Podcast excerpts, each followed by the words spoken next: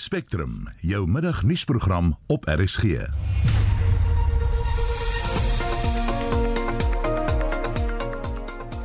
En vandag se program kenners meen die 5de COVID vlaag gaan ons in Mei tref. Omgewingsgroepe probeer 'n Weskus eksplorasie stuit. the fishing industry, the tourism industry, etc.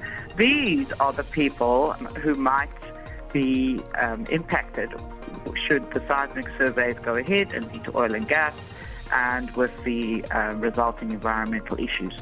Die kriketskeieregter Mare Erasmus praat oor twee gesogte mylpale en die jongste van die Australiese tennisope.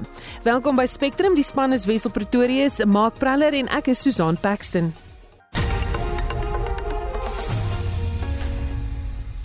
Dis nou 4 minute oor 12 jy luister na Spectrum. 'n Vyfde vlaag van die COVID-19 pandemie word in Mei verwag wanneer temperature daal en die winter sy verskyning maak. Vir meer oor wat ons te wagte kan wees, praat ons nou met die voorsitter van die Suid-Afrikaanse Mediese Vereniging, Dr. Angelique Kutse. Goeiemôre Angelique. Goeiemôre Susan. Enige spesifieke rede hoekom die vyfde vlaag in Mei verwag word?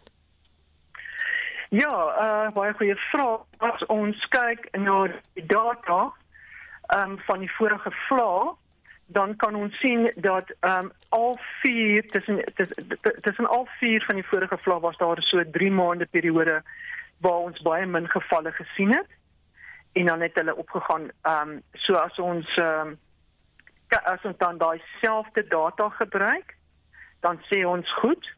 Uh die volgende vlaag 3 maande ons vermoed ehm um, ons gebruik dan Februarie die afsnypunt van die huidige ehm um, golf en dan behoort ons in Mei die volgende een te sien. Kan ons met redelike sekerheid sê dat dit so matig soos die vierde vlaag kan wees? Nee, ons kan met niks daar's dis totale spekulasie. Jy kan glad nie dit sê nie. Hm. En is daar sterk moontlikheid dat 'n nuwe variant sy opwagting kan maak? Ja, dit sal 'n nuwe variant moet wees. Ehm um, die soos ons moet kyk en sê Omicron in, in endemies raak, maar dit gaan ons ook nie weet nie. Uh ons verwag dat dit 'n nuwe variant sal wees. Uh alhoewel hierdie nuwe variant sal moet ehm um, bietjie anders te wees as Omicron, hy gaan of moet ehm um, nog vinniger sprei of hy gaan moet meer ehm um, erger siektes veroorsaak want hy gaan moet vir Omicron uit die mark uitsit. Hm. En ehm um, sal die inentingskoerse verskil maak wanneer die vyfde vlaag sou tref? Die ek dink dit is belangrik dat 'n mens verstaan dat die inentings beskerm jou teen erge siekte, hospitalisasie en sterfte. En wat ons nou gesien het met Omicron is dat ehm um, die ouens het nog steeds al as jy gevaksinereer, as jy nie gevaksinereer nie en al het jy voorheen COVID gehad, jy kan nog steeds matige siekte kry. So ehm um, maar ons het ook dan nou gesien dat die vaksines wel beskerm teen matige, ag teen ernstige siekte hospitalisasie en, en sterfte syfer. Is die nasionale ramptoestand nog nodig? Ja, ons is nog nie eens onder 5% positiwiteitskoers nie. En ehm um, soos wat jy, ons op hierdie stadium sien in die skole, veral in Gauteng, ek, ons jy gaan sien daar gaan so effens 'n stygings wees in die getalle want ons sien redelik baie van die skoolkinders wat nou positief toets.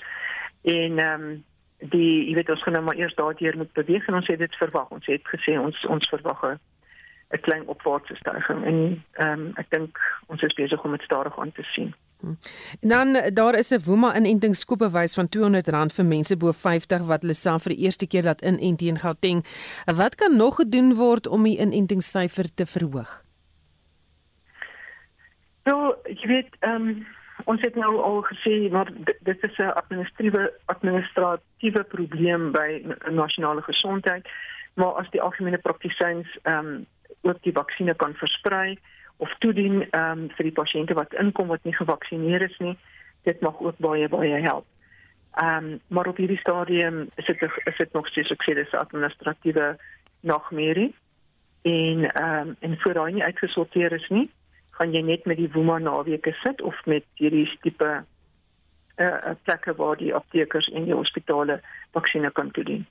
En mense moenie nou dink, jy weet, omdat daar minder mense om hulle siek word dat hulle nie nog steeds versigtig moet wees nie.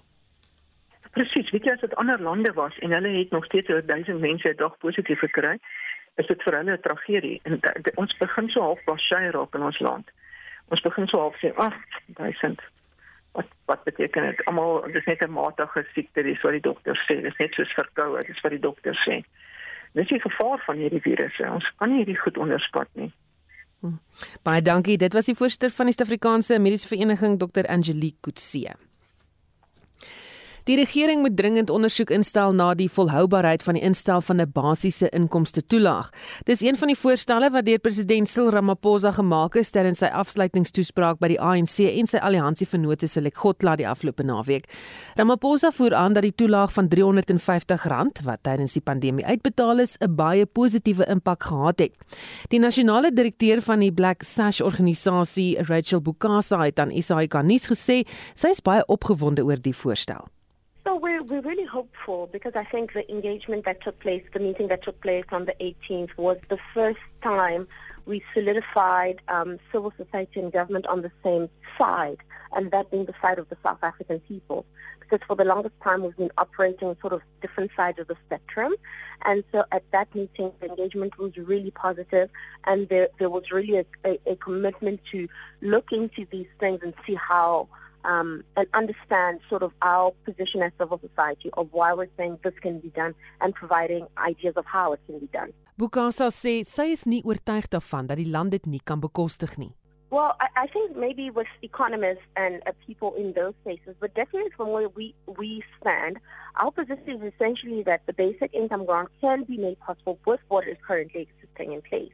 Because yes, you can argue that, well, some grants get taken away with. So, for example, the children's grant or the, uh, the grant for the child, you know, if you say that gets taken away, well, if the basic income only applies from 18 to 59 year olds, then clearly we've got a gap in that process. And so essentially, one of the proposals we had made at this meeting was that the president sets up a presidential expert panel to look at the research we've done, to look, um, to review and consider the existing research for optimal design, infrastructure, and financing of the basic income grant. So we're saying that it's not enough for um, government to just say that, well, we can't afford it, or economists to say so, but actually appoint this panel, sit, look at the research, and see how it can be worked out. En dit was die nasionale direkteur van die Black Sash organisasie Rachel Bukasa. Ons praat ook nou verder met die adjunkdirekteur van die Buro vir Ekonomiese Ondersoek in Stellenbosch, George Kershoff, oor. Goeiemôre George. Goeiemiddag Susan. Wat is die positiewe en negatiewe aspekte van so 'n toelaag in 'n land? Ja, dit is uitsonderlik um die situasie in Suid-Afrika waar ons so groot hoeveelheid um mense in die werkende ouderdom het, soos mense tussen 16 en 65 wat nie werk het nie en dis geen inkomste het nie. En um ja, ek dink nie in die wêreldgeskiedenis is daar veel sulke voorbeelde nie. En ongeag of ons nou praat wat is die oorsake daarvan? Hoekom mense nie werk vind nie? Um die punt is hierdie mense um moet op 'n manier oorleef. En ons het gesien dat die inperkings as gevolg van die COVID pandemie het die situasie nog dramaties vererger. Nou ons um as jy vir die mense 'n klein toelaag gee van sê maar R350 presies dieselfde as wat dit nou in COVID was en jy het 'n 'n 'n toets dat daar mense wat 'n groot inkomste kry, um nie die toelaag kry. So dis nou regtig mense wat geen werk het en geen ander inkomste het nie. Dan sien ons dit verminder tog armoede uh oh, jy weet en hongersnood iets wat um dit los nie Suid-Afrika se probleme op nie. Um en en as ek van hierdie formaat praat, dan is dit daarom iets wat ons kan bekostig. Um ons het dit nou al reeds vir 2 jaar gedoen sonder om belasting dramaties te moet verhoog. 'n Mens moet ook besef hierdie mense gaan omtrent al daai geld spandeer en so 'n gedeelte daarvan kom weer terug in die vorm van die belasting op toegevoegde waarde. Hmm. So daar is effens 'n positief is hier aan, maar kan die land dit bekostig? dit is ek dink ek die enkel um grootste vraag. Nou dit hang alles af wat jy um vir mense wil gee. Ek het nou ongelukkig nie die hele vorige inset sou gehoor nie. Um as ons nou regtig ongelykheid in Suid-Afrika dramaties wil verminder en ons wil um almal verseker dat hulle um inkomste het wat ten minste die die absolute broodlyn oorskry dan um, kan ons dit nie bekostig nie. Um die die belastingbetalers is te min. Die inkomstebelasting, persoonlike inkomstebelastingbetalers is te min in die land. Um en selfs maatskappybelasting om dit regtig te te befinansier. Die koste daarvan is te groot. So hierdie um waar ons kyk in ons eie vooruitskatting is nou maar net om te sê kom ons aanvaar dat hierdie 350 rand as spesiale toelaag gaan voort dan sien ons um dit kan ons kan dit min of meer hanteer um sonder om om dit te verhoog.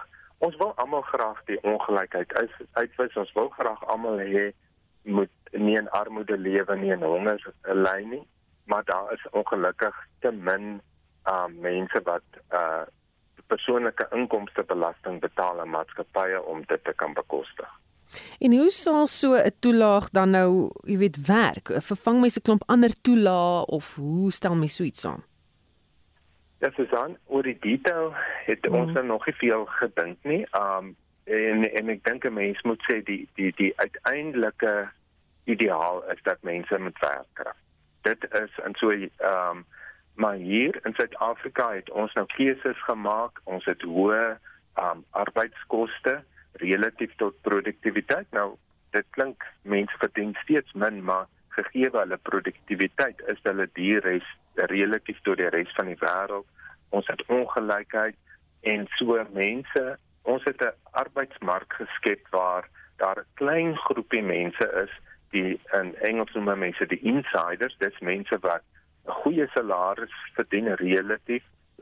Dit wat lede van vakbonde en so voort en maar daai koste daarvan is dat 'n groot massa mense nooit deel word daarvan nie. en dit is om daai mense op 'n manier um, te hanteer. Nou ons kan sê as salarisse en lone goed laer was in die land, dan sou meer mense gewerk het en dan sou die behoefte nie daar gewees het om om so 'n ekstreme stap te hê nie.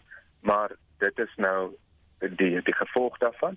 En dan moet mense onthou in ander lande het ons iets wat mense noem 'n demografiese dividend. En dit kom gewoonlik in lande oor net maar op daai punt wanneer jy 'n uh, eh, groot hoë ekonomiese groei het en jy het 'n groot aanvraag na mense wat kan werk.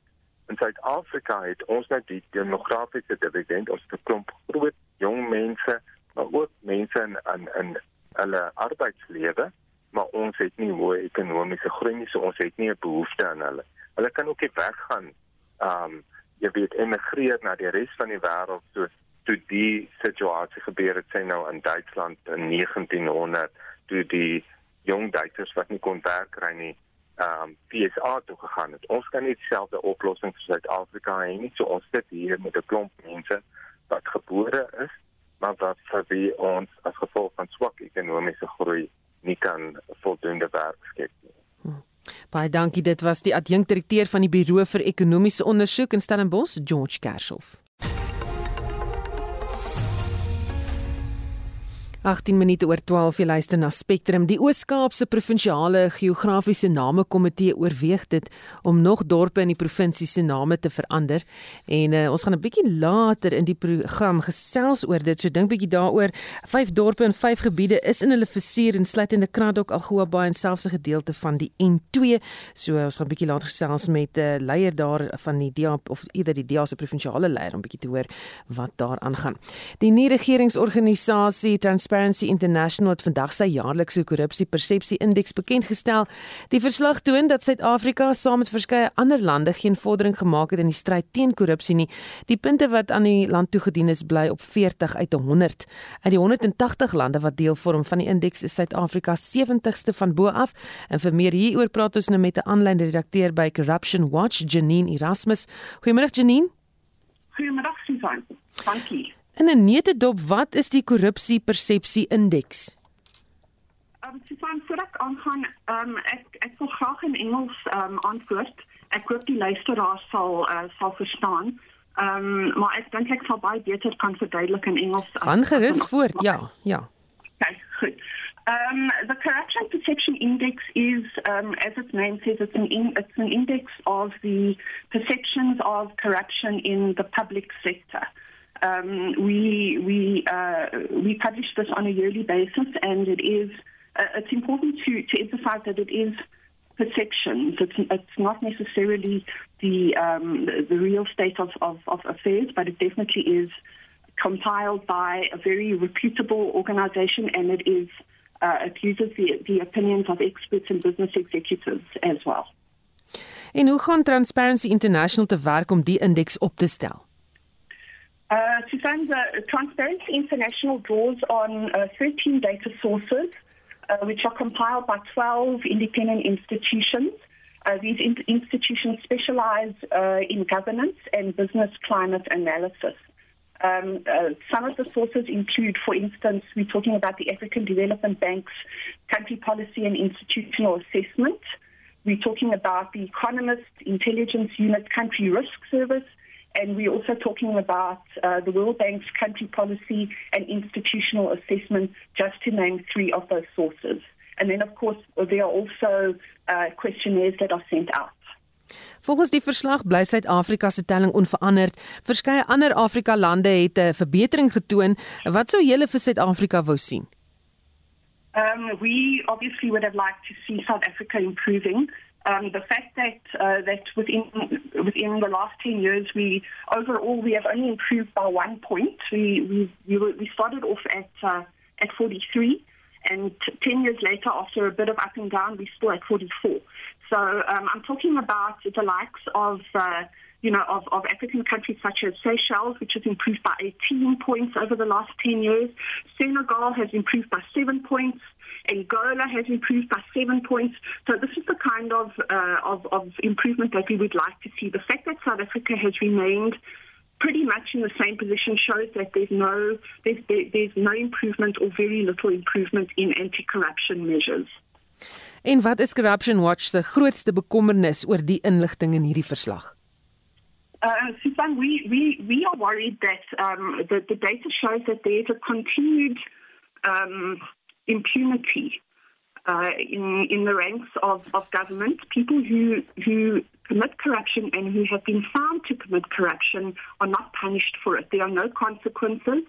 There are no serious consequences. We don't see a lot of convictions. We don't see a lot of prosecutions. But we do see uh, sometimes even promotions. We see, uh, you know, people moving sideways into another department. So they, you know, they disappear under the radar for a bit and then they appear again doing the same old thing. So we would like to see harsh consequences, harsh punishment for people who abuse their power. We don't want to see people getting away with abusing their power because this is what has allowed corruption to flourish. And this is why the people in our country suffer. Goed en die verslag is nou bekend gestel wat 'n uh, klomp inligting bevat, maar wat nou? Uh, well, as Corruption Watch, you know, we need to we need to press on. We we cannot now um, lift up the pressure. We need to be proactive. We need to be swift, and we need to ensure that our government implements new strategies. Not the same old strategies that they've been promising, because we we can see that those have not worked. We need new strategies for arresting the perceived and the real impunity which are enjoyed by public officials, but also private sector um, actors dealing with those public officials. The two together, um, you know, they, they're dealing together. This is this is where corruption comes from. So if we are if we are able to see an improvement on on the corruption perceptions index, we need real action, and we need to we need to to ensure as as civil society we need to keep up the pressure. Baie dankie. Dit was Janine Erasmus, 'n aanlyn redakteur by Corruption Watch. Soos ek vroeër gesê het, die Oos-Kaapse Provinsiale Geografiese Namekomitee oorweeg dit om nog dorpe in die provinsie se name te verander. Vyf dorpe en vyf gebiede is in hulle versuur insluitende Kraddock, Algoa Bay en selfs 'n gedeelte van die N2 hoofweg. Ons praat nou met die DA se provinsiale leier, Ngaba Banga. Good afternoon, Ngaba. Good afternoon, Suzanne, and good morning, good afternoon to your listeners. Your reaction to these developments?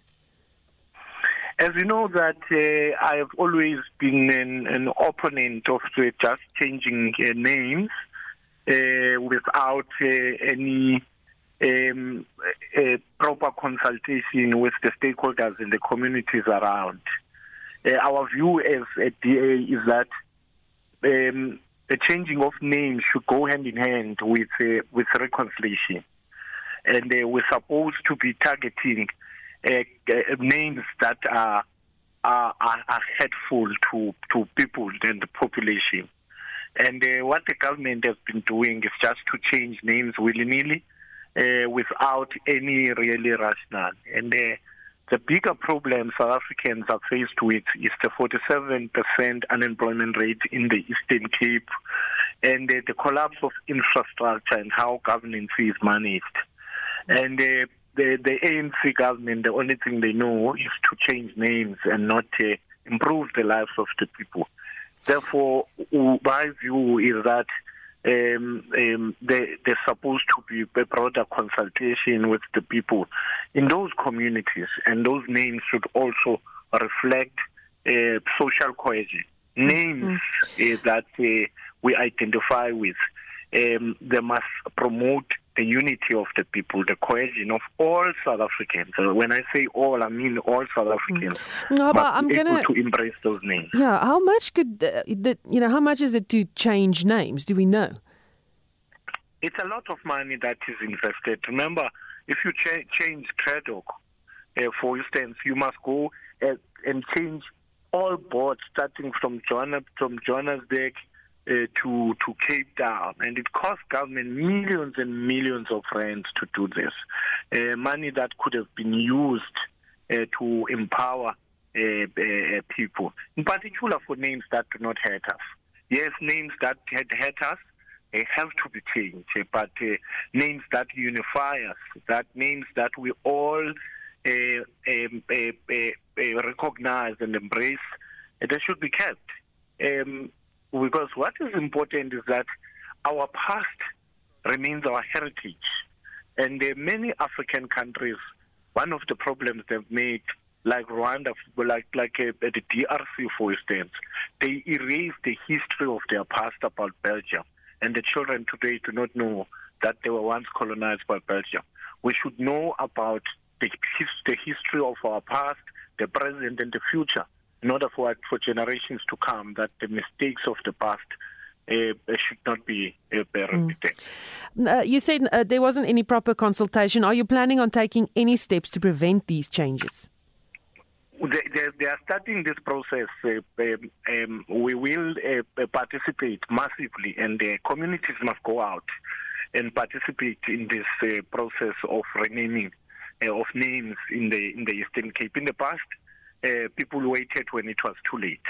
It's our time as a DA will mobilize people throughout the province to make sure that the, the voice of the people is heard, not the voice of the ANC. Baie dankie. Dit was Nkaba Banga, die DA-leier in die Oos-Kaap. Hotelle het in November jaar op jaar weer goeie winste getoon en alhoewel dit goeie nuus is, moes die sektor van 'n lae basis eh, in 2020 begin of 2021 en vertoon die boeke steeds swakker as in 2019. Ons praat nou met die eiendomsstrateeg van FNB John Loose oor statistieke Suid-Afrika se jongste toerisme data of data eerder. Goeiemôre John. Middag Susan. Wil dit voorkom of die verblyfsektor besig is om te herstel van die impak van die pandemie? Ja, ek het nie wins nie, dis totale inkomste volgens statistiek, hmm. maar um, ja, dit het 'n goeie maand gehad as mens ek het die groeikoerse beteken min want dit kom van 'n baie lae basis af, maar hotelle se inkomste totaal was 95.4% jaar op jaar op. Dit is beter as totale akkommodasie se 60.5%, so hotelle groei bietjie beter as kampeerplekke en gastehuise en so aanhoudelik. Ehm um, maar as mens kyk na uh die realiteit van hoe dit was voor Covid in, in November 2019, twee jaar gelede in November, is is hulle nog steeds 37.7% af. So dis glad nie 'n sterk, dis nog steeds 'n baie swak syfer, maar so geleidelik verbeter hulle en normaliseer dat ekonomiese aktiwiteit uh, uh, deur die deur die land. Hmm. Jy het nou daarna verwys, maar is daar spesifieke verblyfkategorieë soos kampering of hotelle wat vinniger herstel en hoekom? Wel, kampeerplekke het vroeër vinniger herstel en ek dink dit was miskien as gevolg van die die die die, die virus en seker maar beter om buite mense te wees. Dit is moeilik om te sê. Uh kampeerplekke was ook goedkoper natuurlik. Uh so dit, dit daai bekostigbaarheid kan ook 'n 'n faktor wees um in tawe finansiële tye. So kampeerplekke was eers om te herstel en toe nou meer onlangs lyk dit vir my hotelle toon beter groei. En dan die besettingskoers hoe dit vertoon, hoeveel mense het Ja, nog nog nie wonderlik nie, kon hy styg, maar hy hy was tot 33.2% in uh November 2 jaar gelede was dit 56.4%. So nog John is jy nog daar? Hm, kyk of ons vir John kan terugkry. Is daar in middel van die sin het hy verdwyn. Lyk my die sein het so effe daar weggeraak. Ons praat oor hotelle in November jaar op jaar wat uh, weer 'n uh, tot goeie verhoging gesien het in totale inkomste, soos John dit verduidelik het. En uh, alhoewel dit goeie nuus is, het hulle van 'n baie baie lae basis af begin, um, want 2020 was daar nie regtig enige akkommodasie of vakansie of mense wat uh, hotelle beset het nie. Ons kyk of ons hom gou weer daar op die lyn kan kry en lyk like vir my is daar John, jy was ja. besig om te praat oor die besettingskoers toe verdwyn jy. O. Ja, so die die besettingskoers Susan was 33.2% uh in November gewees, nog steeds heelwat af van 56.4% en uh, die inkomste per verblyfsnag wat die mense bestee oor nag gemiddelde is nog steeds 16.7% af op November 2 jaar gelede. So dis nog steeds 'n baie swak prentjie, maar dit is besig om te verbeter ja. John Noston het mense nog geld om vakansie te hou. Wel, dit is moeilik om te veralgemeen. Ja, daar is mense wat vakansie hou, maar ek dink uh, as mens kyk na wat vir, vir baie mense is dit of jy hou goedkoper vakansie of jy hou nie meer vakansie nie. Uh vir vir 'n groep mense want daar was heelwat mense, heelwat huishoudings wat 'n uh inkomste uh hou gekry het gedurende die 2020 resessie of ehm um, volledig inkomste verloor het destyds of gedeeltelik. En jy, herstel met tyd. Jy weet dit dit, dit sukkel om te herstel. Dit vat tyd om jou balansstaat weer te te bou. So ehm um, so in da, in daai vakansies is maar 'n leaksite so dit word baie keer op die agtergrond gesit terwyl mense is nie meer 'n prioriteit vir baie mense so ja die die hotel sektor het 'n moeilike pad terug uit daai 2020 resessie uit Baie dankie. Dit was die eiendomsstrateeg van FNB, John Loose. 1238 berigte lei dat onderwysers in die Oos-Kaap beplan om te staak weens die provinsiale onderwysdepartement se versuim om handboeke en skryfbehoeftes aan skole te voorsien. Die probleem kom al 'n geruime tyd en ons praat nou hieroor met die uitvoerende hoof van Fensans, Jaco Deeken. Goeiemôre Jaco. Goeiemôre. Kan jy bevestig dat onderwysers wil staak oor die probleem?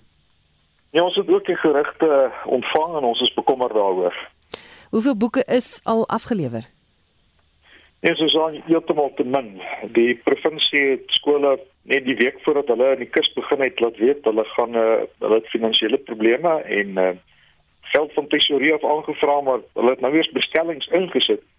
So van die skole het kennis gekry dat hulle eers einde Mei dalk handboek gaan handboeke gaan ontvang en klomp skole wat wel materiaal ontvang het is uiters gebrekkig. Ek het 'n uh, volgende foto ontvang van 'n skoolhoof. Die skool het 800 leerders en het 3 karton bokse vol skryfbehoeftes ontvang vir 800 kinders vir die hele jaar. So selfs waar afgelewer word, is dit heeltemal gebrekkig. Maar die probleem is as opvoeders gaan staak of wil staak, dan word die kinders benadeel. En uh, ons ondersteun aksies en werk op die onderwysdepartement te sit. Ons kan nie die kinders in hierdie proses intrek en hulle onderrig onderbreek nie. So ons klagte lê by die Menseregte Kommissie. En ek wil die vakbonde tog vra om die kanale tot hulle beskikking te gebruik en nie die kinders te benadeel met 'n goedbedoelde aksie. Wat presies het julle dan nou uh, wat se klagte het julle ingedien by die Menseregte Kommissie? Kyk, jou reg tot onder onderwys is 'n is 'n grondwetlike reg. En die grondwet is baie duidelik dat die regte van kinders ten alle koste beskerm moet word en voorkeur geniet. En die reg tot onderwys is nie uitgestelde nie.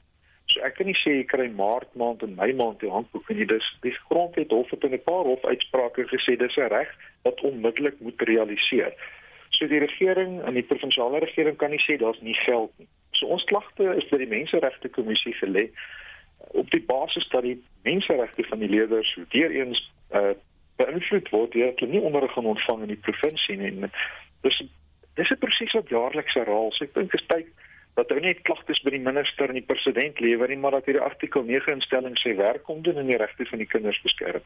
Ek wil vir jou vra, um, as jy sê hierdie is 'n is 'n gereelde probleem of dit gebeur elke jaar, hoekom het nasionaal nog nie ingegryp nie? Ek dink die minister is al moedeloos met die provinsie want 'n paar jaar terug was daar uh was die provinsie on, onder administrasie gewees en uh, ek dink die provinsie was slegter daaraan toe daarna omdat die nasionale departement nie werklik geweet het om die probleem aan te spreek.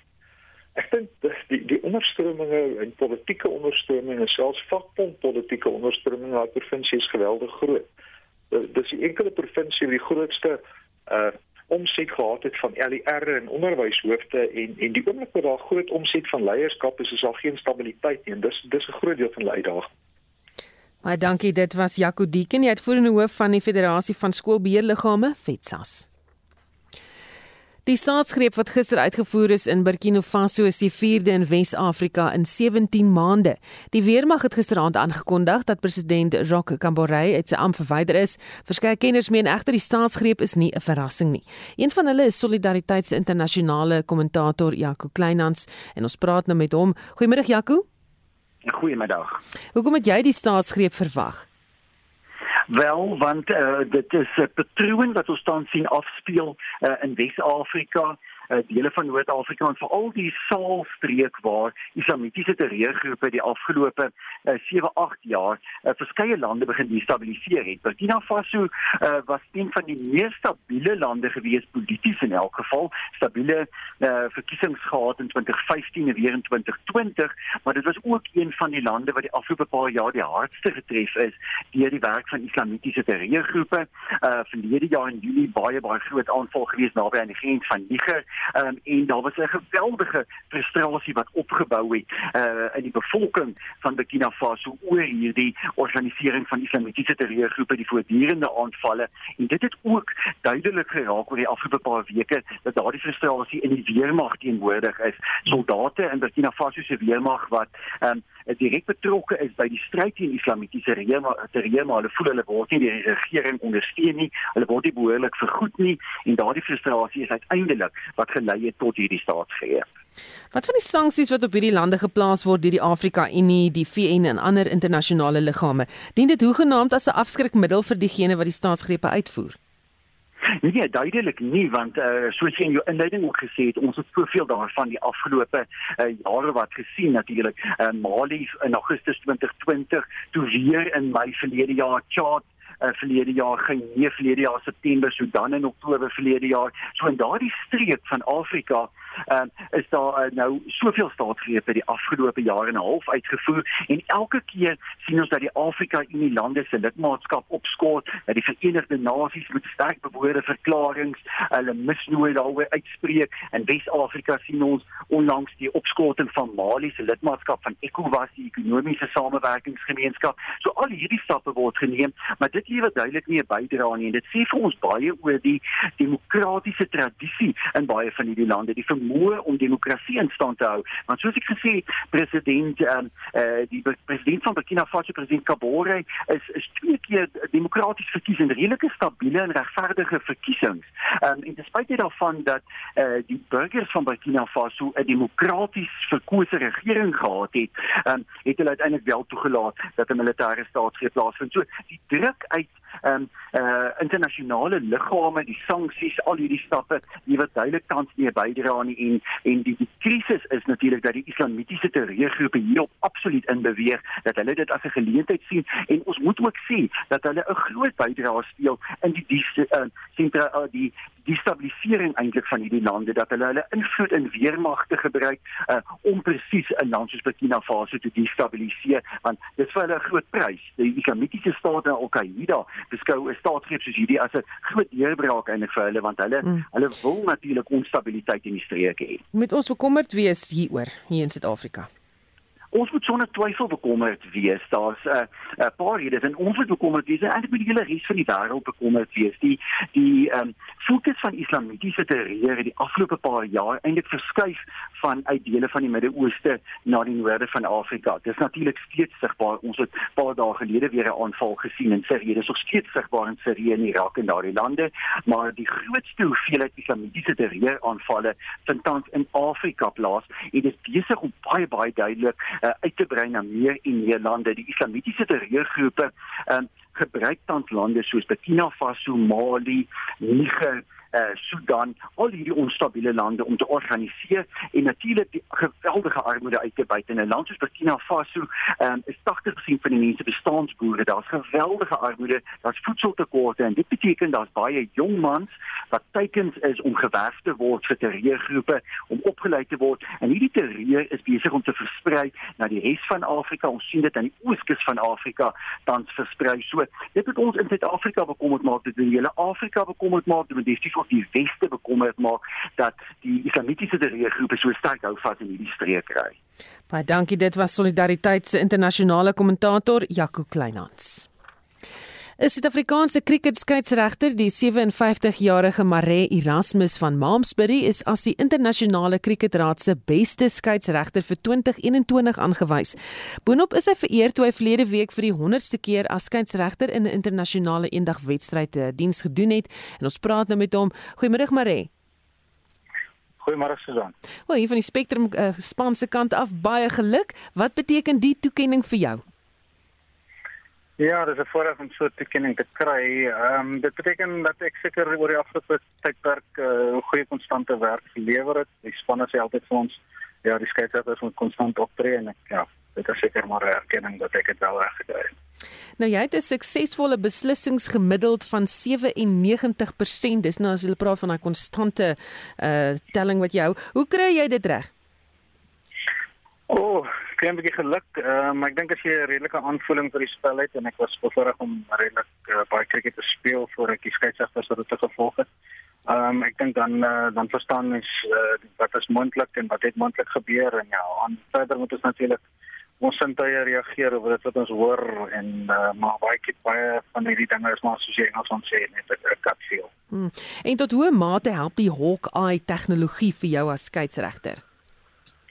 Ehm um, ons het baie geleer daai ehm um, so tydens die wedstryd besef ons dat uh, die bal baie meer uh, en baie hoër op as wat mens uh, vroeër aangeneem het. So ja, oor die jare het ons geleer dat uh, dit is altyd 'n bietjie hoër as wat die as wat die oog het sien um, op die op die beenskit. Ehm um, ja, so in daai ehm um, manier het ons het die tegnologie vir ons geleer.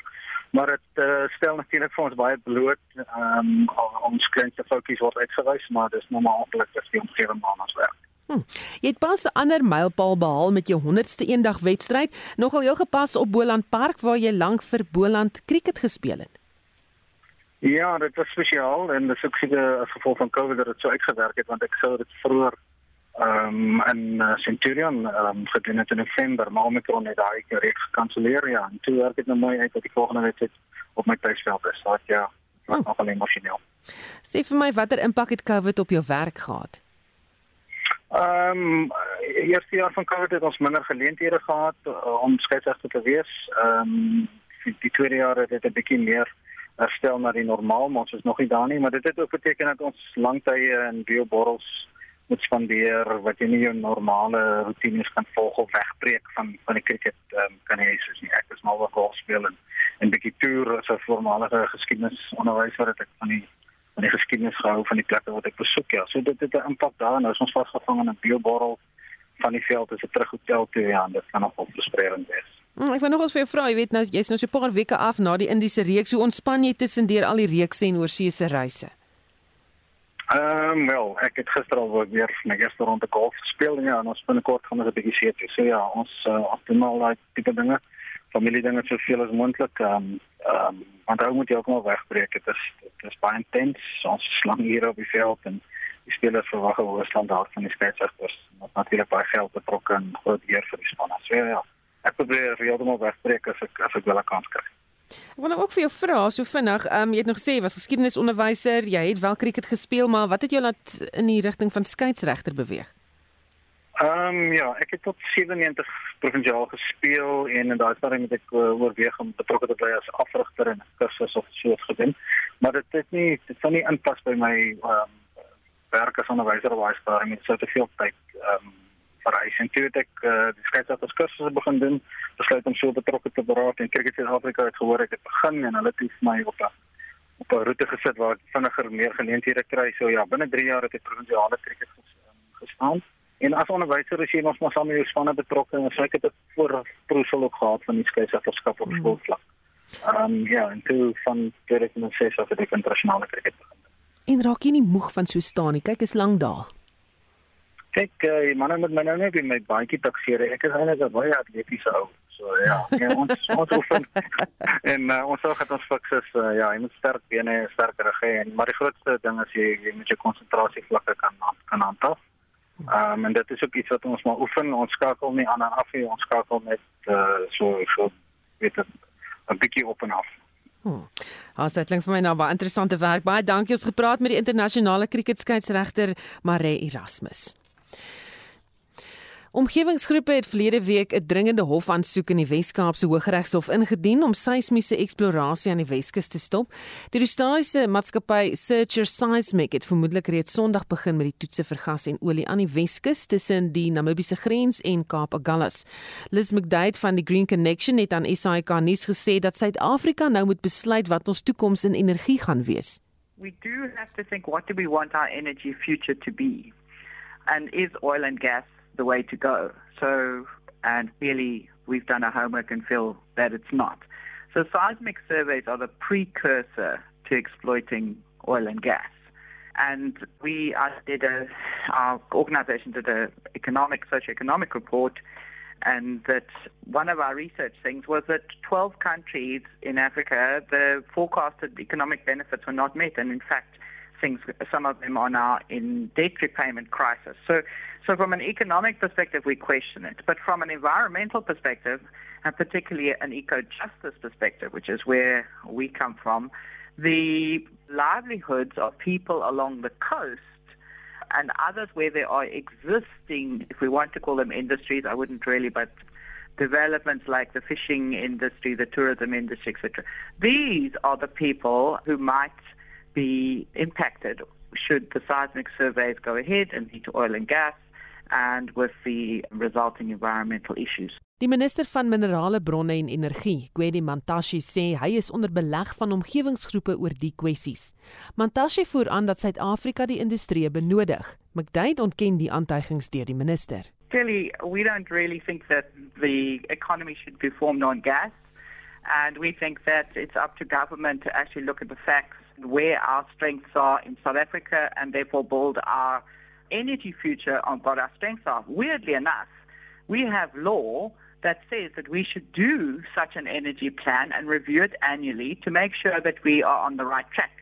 That law was passed by Parliament in 2008, and the President and the energy, under direction from the Energy Minister, one assumes, has never implemented it. So what we have is, in our view, this kind of wake up in the morning, decide we're going to do gas today or nuclear tomorrow, but there's no proper planning. That planning would involve public participation, and if it happened regularly, then everybody would know what are the facts that are guiding this kind of decision. And also, that means that those who are affected, which is all those coastal communities who have not been allowed to have a voice, that they would have an opportunity to put their case. Dit was Liz McDade van die Green Connection.